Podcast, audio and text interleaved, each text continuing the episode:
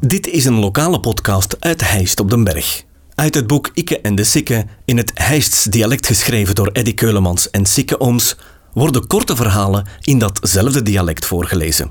Dit vertelselke werd ingesproken door Eddy Keulemans. Gust Kassaar.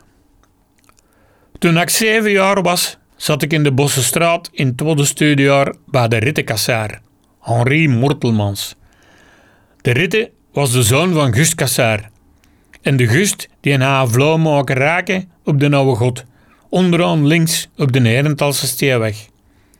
Daar kwam ik dikkes, want in die tijd gaan we wel veel jetbezen in onze hof staan.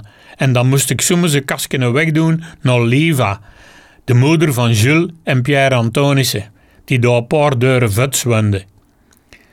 Als ik de jetbezen afgeleverd had, dan ging ik altijd binnen bij de gust in zijn werkplaats, om met open mond te luisteren naar zijn verhalen over de koers. De Gust was kampioen van België geworden bij de beroepsrenners in 1927 en zo hebben we er maar één gehad in Groot-Hest. Maar pas op, ik kan nog verschagen coureurs opnoemen zullen. Fons Vermalen, Fonke van de Ballen, laat ik ze zeggen. Jos Bosmans van Etegem. Louis Thijs. De Loden Troonbeeks, alias de Witten Troonbeeks.